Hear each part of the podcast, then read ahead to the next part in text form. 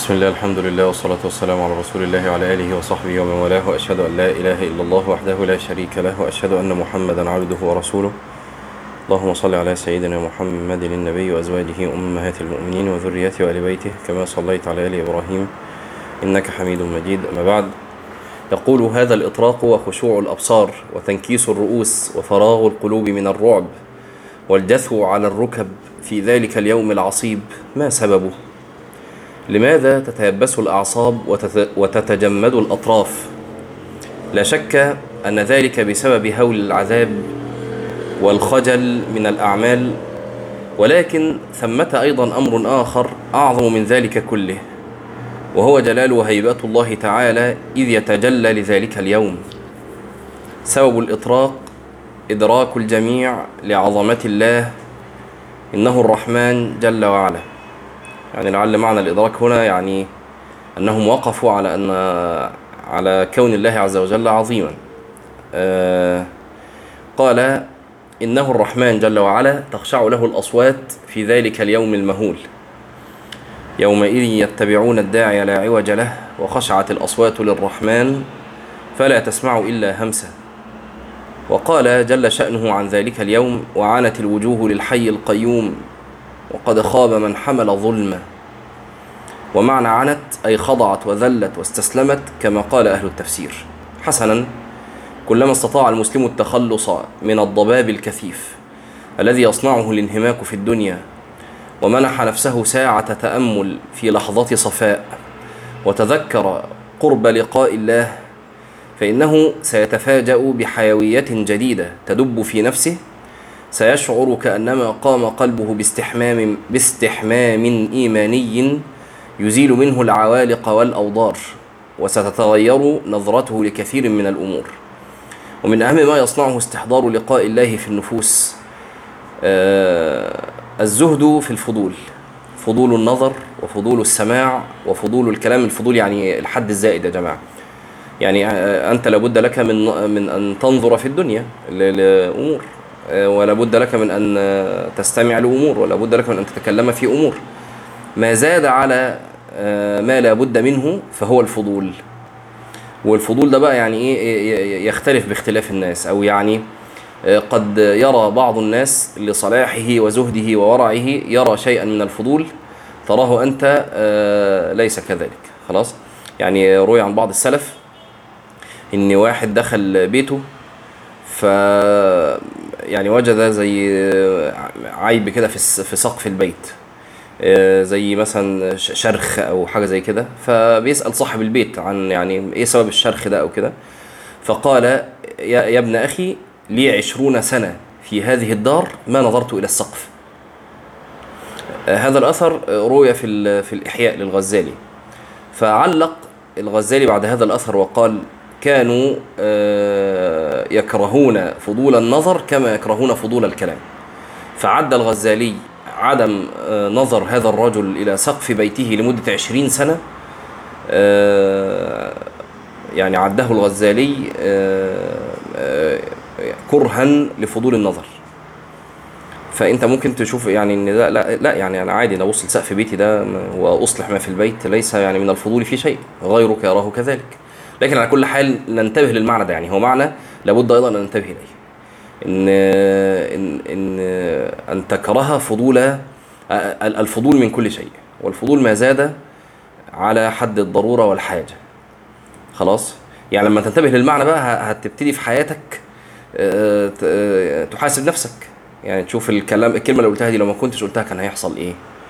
النظرة اللي, ما اللي نظرتها دي لو ما كنتش نظرتها كان هيحصل إيه؟ إحنا ما بنتكلمش على النظر حرام يا جماعة. ما على النظر الحرام ولا الكلام الحرام ولا السماع الحرام. إحنا بنتكلم على المباحات لكن ليست هي من باب الضرورات ولا من باب الحاجيات. قال آه، من أهم ما يصنعه استحضار آه، لقاء الله في النفوس الزهد في الفضول. فضول النظر وفضول السماع وفضول الكلام وفضول الخلطة وفضول النوم وفضول تصفح الإنترنت ونحوها. فيصبح المرء لا ينفق نظره وسمعه ووقته إلا بحسب الحاجة فقط. ومن عرف شرف زمانه آه، يعني ظن به أن يصرفه في هذه الإيه في في مثل هذا الفضول. ومما يصنعه استحضار لقاء الله في النفوس. الإقبال على القرآن فيعيد المثقف المسلم صياغة شخصيته صياغة شخصيته الفكرية على ضوء القرآن لأن الله في هذا اللقاء العصيب القادم سيحاسبنا على ضوء هذا القرآن. لا بقى على ال ال ال الأبحاث اللي خرجت مش عارف من جامعة إيه في أمريكا ولا ولا الدكتوراه اللي خدتها منين في فرنسا ولا. الله عز وجل سيحاسبك على هذا القرآن. قال تعالى وقد آتيناك من لدنا ذكرى من أعرض عنه فإنه يحمل يوم القيامة وزرا.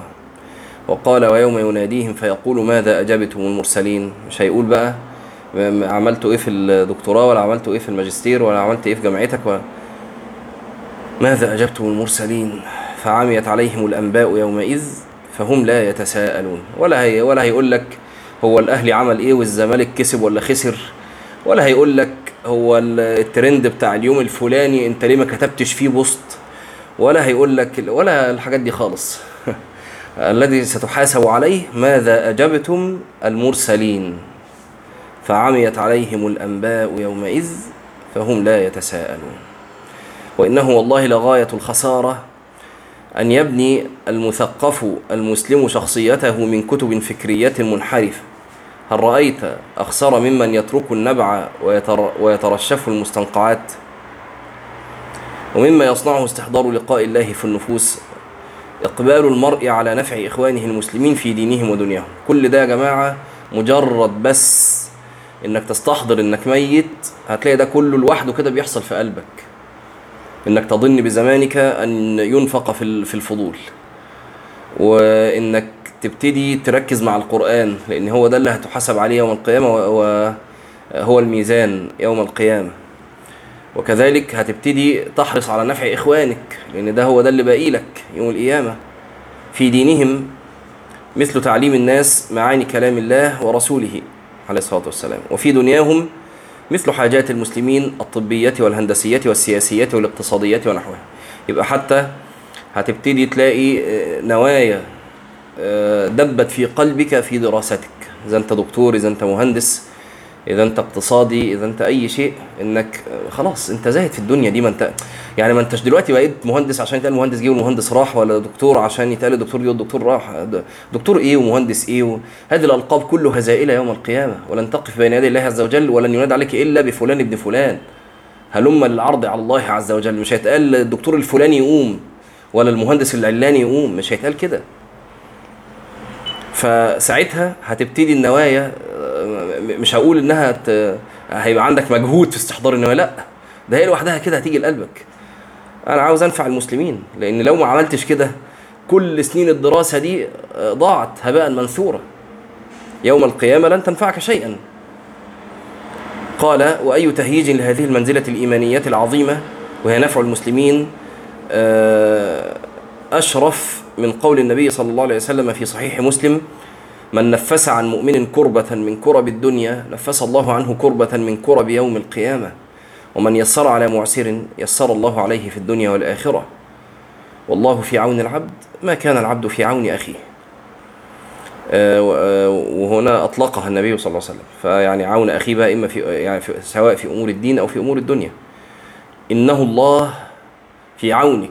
ما دمت في عون أخيك. أرأيت كيف يستجلب عون الله يبقى أنت شايف نفسك لا تعان على حفظ المصحف لا تعان على صلاة الفجر لا تعان على قيام الليل. أحد أسباب العون أن تعين غيرك تبقاش أناني تبقاش كل همك نفسك. المهم أنت تحصل اللي أنت عاوزه فين أنت من غيرك؟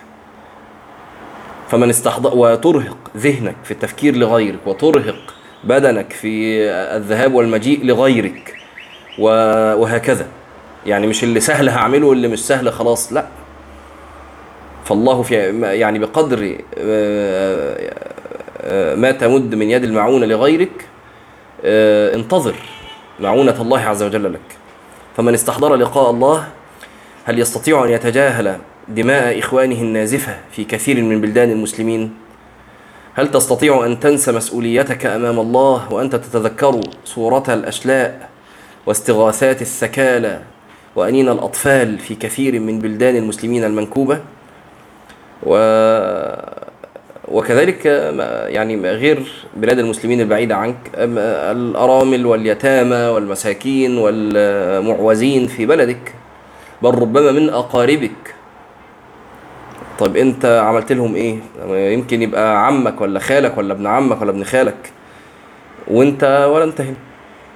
واسمك بس متدين واسمك طالب علم واسمك آه، يعني يمكن أحدهم آه، يطوي الليل جوعا ما عندوش حاجة ياكلها. وهو زي ما بقول لك ممكن يبقى قريبك. ومما يصنعه كثرة استحضار لقاء الله. الاستخفاف بالجاه في عيون الخلق. والتعلق بالجاه عند الله جل وعلا. يعني خلاص آه، ماذا يقال عنك في الدنيا؟ ماذا كيف يراك الناس؟ المسائل دي ما بقتش لها وزن قوي عندك. خلاص؟ لأنك تعامل الله عز وجل. وماذا يغني عنك ثناء الناس وأنت تعرف من خطاياك ما لو علموه لما صافحوك. وده يا جماعة مش معناه عشان بعض الشباب برضو بيفهم الكلام ده غلط.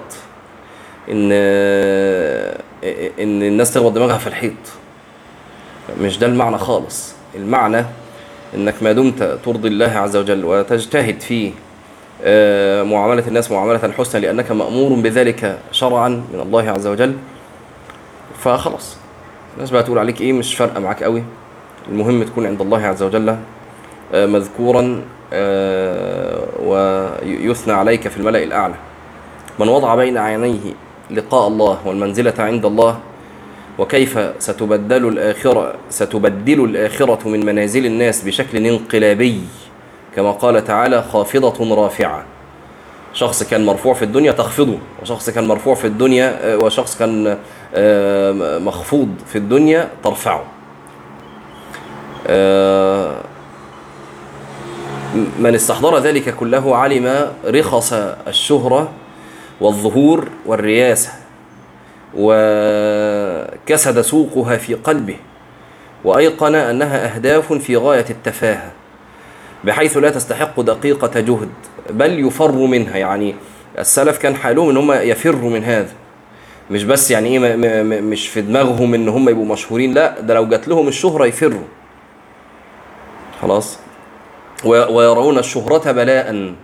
الناس الآن اللي بتسعى للشهرة حتى لو في آه، شهرة دينية يعني عاوز يبقى داعية مشهور عاوز يبقى بل واتكلمنا على الكلام ده قبل كده في كتاب المجريات ذكرنا هذه آفة من الآفات التي دبت إلى المتدينين وربما إلى الدعاة. آفة إيه؟ آه، ال- الاستكثار بال بالأتباع على مواقع التواصل.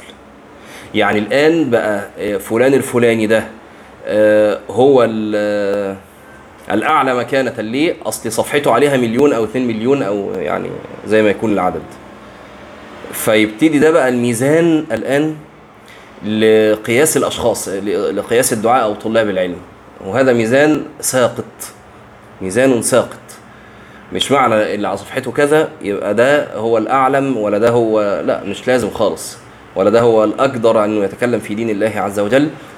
هذه الموازين آه، نعم يعني ي- يتحاكم إليها غيرنا غير أهل الدين والصلاح.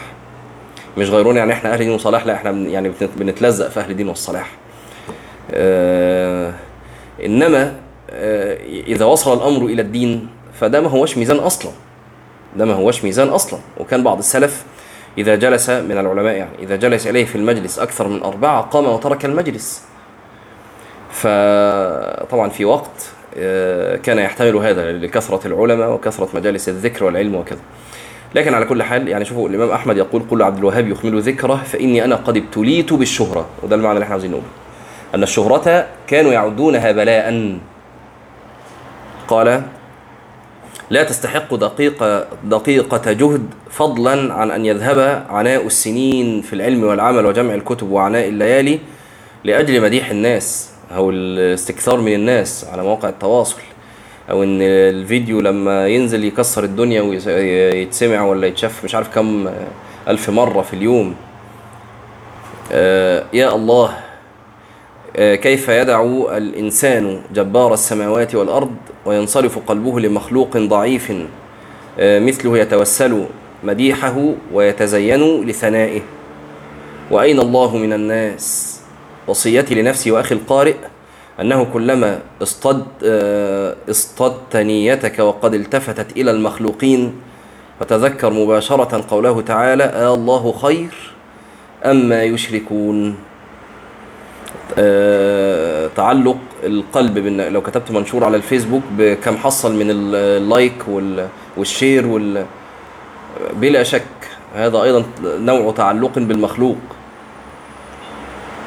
قال فضل الصخور على القلوب.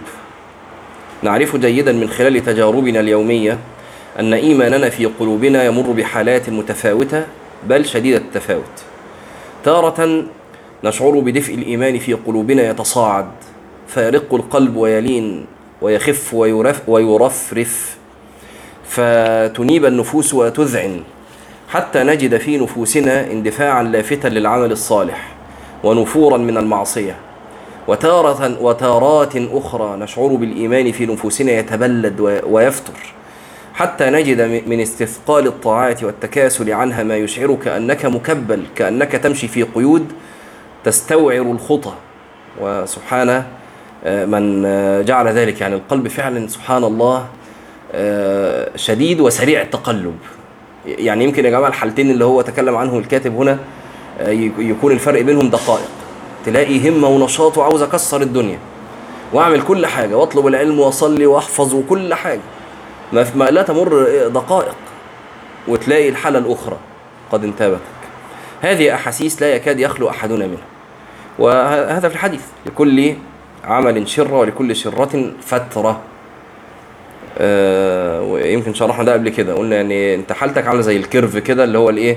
ال sine wave. الناس بتاعت هندسة وعلوم و وحتى بتوع ال- اللي بيدرسوا آه، يعني آه، تحليل بيانات وكده زي ال sine wave كده اللي هي إيه قمم وقيعان كده. ماشي؟ هي دي الشرة الشرة دي اللي هي البيك اللي فوق اللي هي القمة.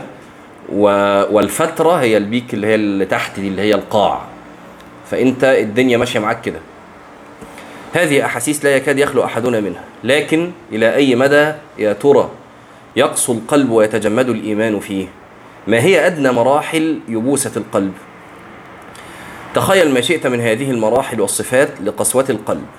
ثم استمع إلى تصوير القرآن لحالة محزنة مخيفة من حالات قسوة القلوب. قال تعالى ثم قست قلوبكم من بعد ذلك فهي كالحجارة أو أشد قسوة. إنه ليس كالحجارة فقط بل قد يكون كما تص- تصور الآية أشد قد يكون أشد قسوة. بالله عليك. هل تتخيل قلبا أقسى من من الصخر؟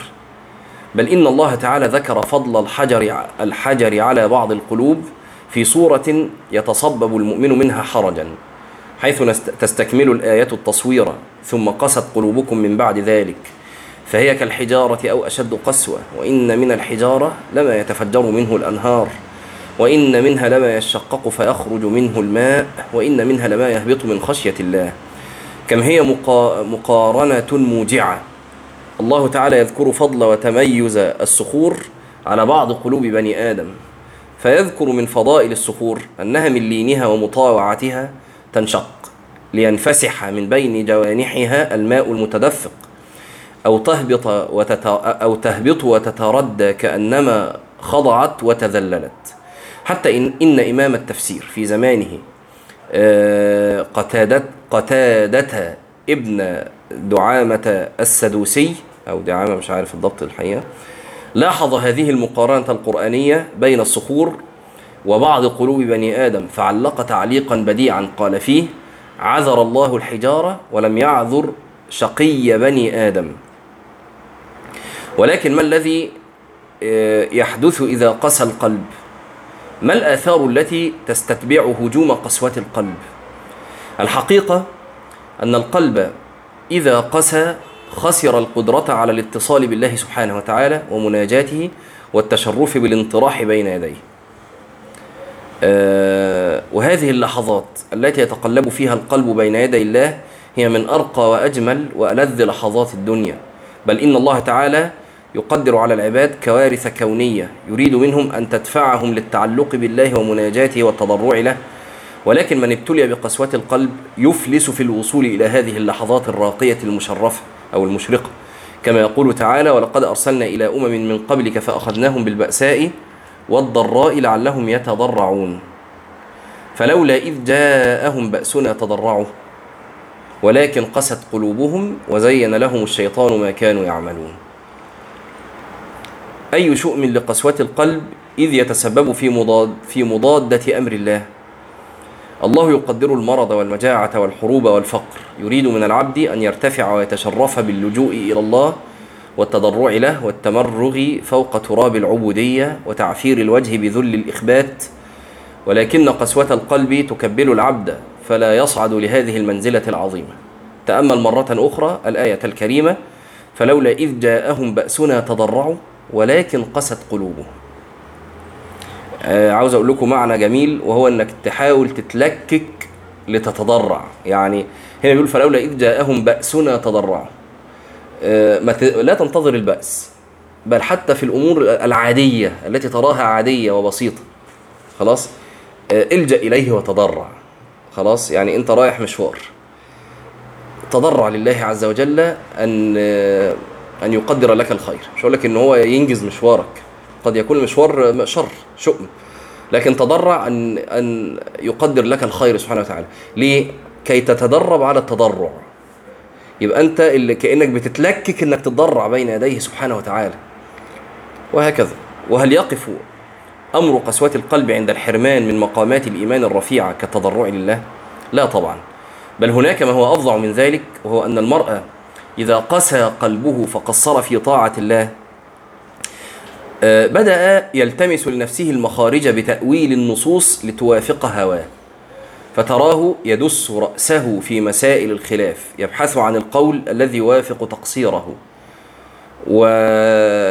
ويحني رماح النصوص كي لا تصيبه أو يلوي أعناقها لتعزز مساره.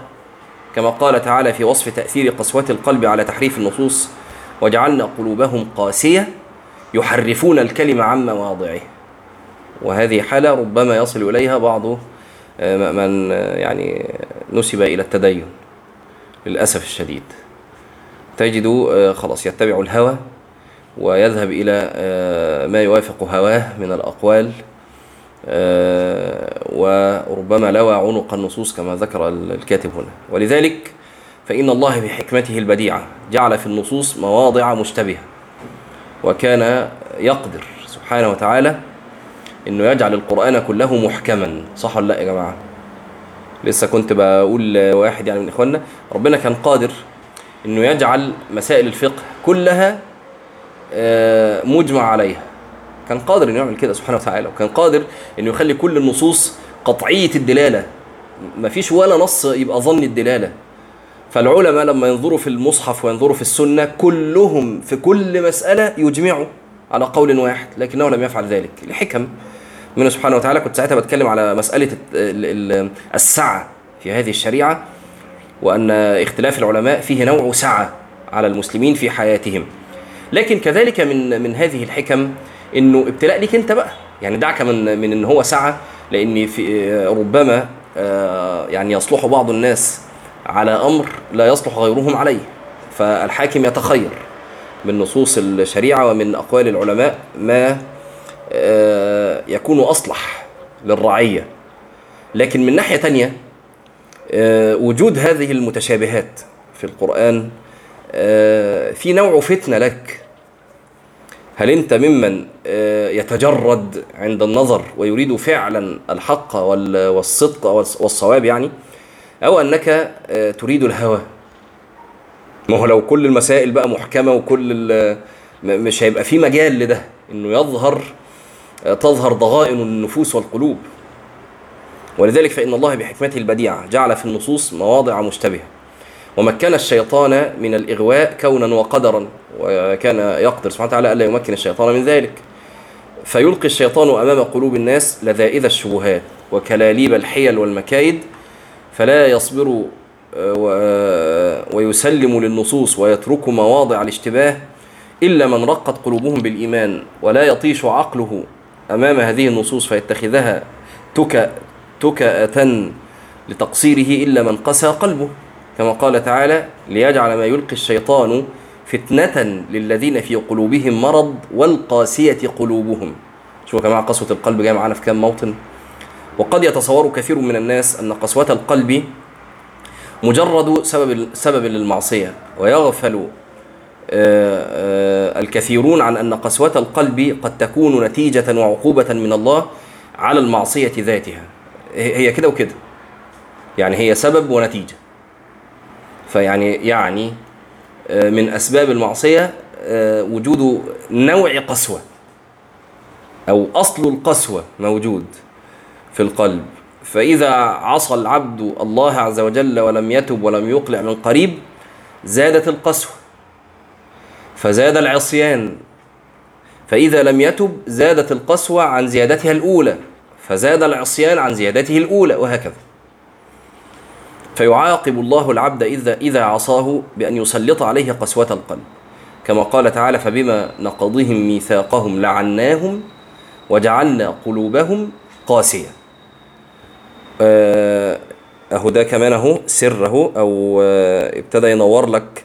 أنا ليك آه، كنت عينيا بتبكي إذا سمعت القرآن أو تلوت القرآن. أنا ليه لو كنت شفت مشهد حد مريض حد بيموت حد محتضر كان يؤثر في قلبي وما أعرفش أنام باليوم واليومين. ودلوقتي ما بقاش فيه الكلام ده أهو. ليه قسوة القلب؟ طب ليه قسوة قلب؟ عشان المعصية. وكون الله سبحانه يعاقبه على الذنب بالذنب. وينكله بالخطيئة على الخطيئة. هذا معنى له نظائر في كتاب الله كقول الله تعالى إن الذين تولوا منكم يوم التقى الجمعان إنما استزلهم الشيطان ببعض ما كسبوا. هم الأول كسبوا. نوع معاصي ففروا من الزحف. يبقى دي مع- المعصية بتولد معصية أخرى أكبر. ولقد عفى الله عنهم إن الله عفو غفور حليم. وقال سبحانه وتعالى فلما زاغوا أزاغ الله قلوبهم. وقال في قلوبهم مرض فزادهم الله مرضا. فانظر كيف ينتقم الله من الزيغ بالزيغ ويعذبه على مرض القلب بزيادته ويجازي على الذنب بضعف العبد في حالات الشدة وهكذا. فإن الله يعاقب على قسوة القلب إذا لم يداوها المرء بمزيد من قسوة القلب كما قال تعالى فبما نقضهم ميثاقهم لعناهم وجعلنا قلوبهم قاسية. ربما لا يختلف مسلمان في بشاعة قسوة القلب. ولكن السؤال الذي يسبق ذلك كيف تقع قسوة القلب؟ كيف ينزف القلب إيمانه حتى يتيبس ويتدهور في هذه الحالات المرضية؟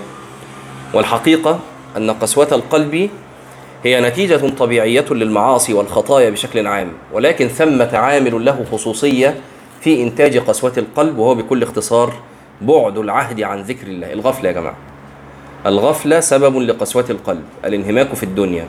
الانهماك في, في المجريات تتبع مواقع التواصل القعاد عليها بالساعات. هذا كله يقسي القلب. لا أعرف سببا يجفف القلب ويقسيه آه، مثل الغفلة عن ذكر الله. ولا أعرف سببا يحيي القلب وينيره فورا آه، مثل ذكر الله. وقد جاءت الإشارة في كتاب الله إلى هذه العلاقة بين بعد العهد عن عن الذكر وقسوة القلب. قال تعالى ألم يأن للذين آمنوا؟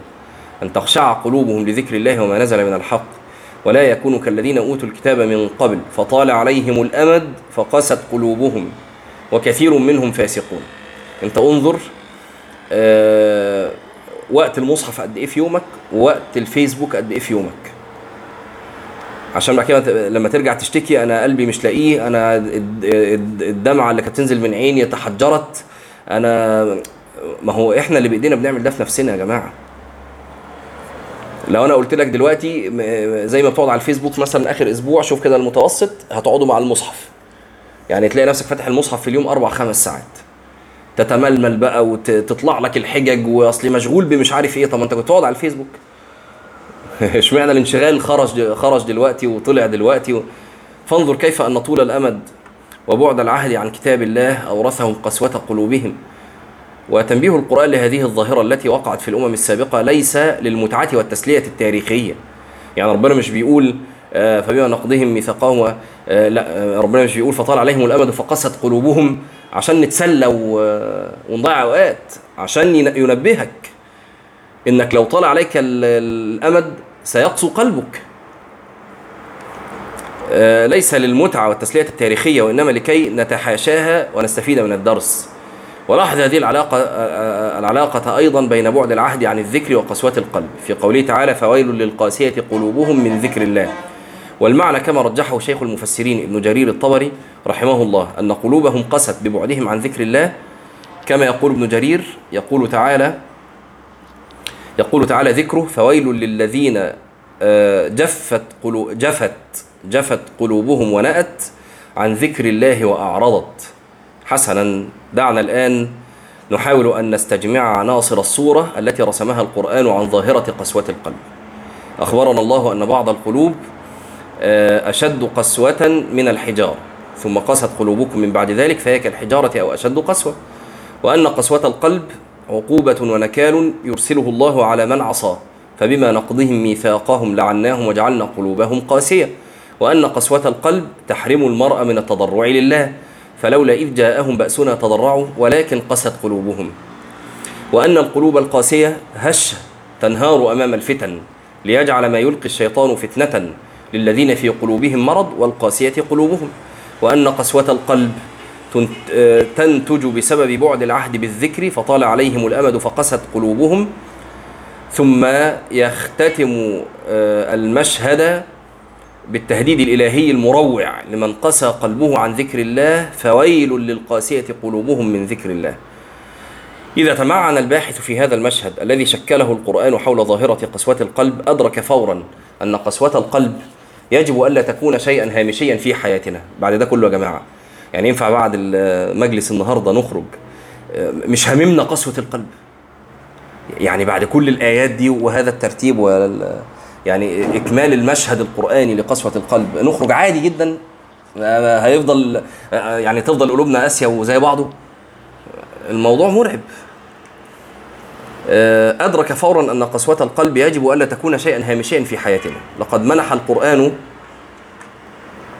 اهتماما واضحا لهذه الظاهرة فوصفها وشرح آثارها وأسبابها وهدد صراحة من وقع فيها.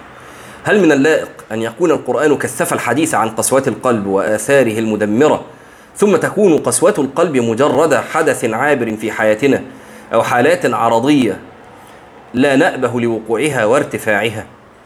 ما أكثر ما مررنا بحالات من قسوة القلب وبكل صراحة وبكل صراحة ماذا لو توفانا الله لا سمح الله على هذه الحالة؟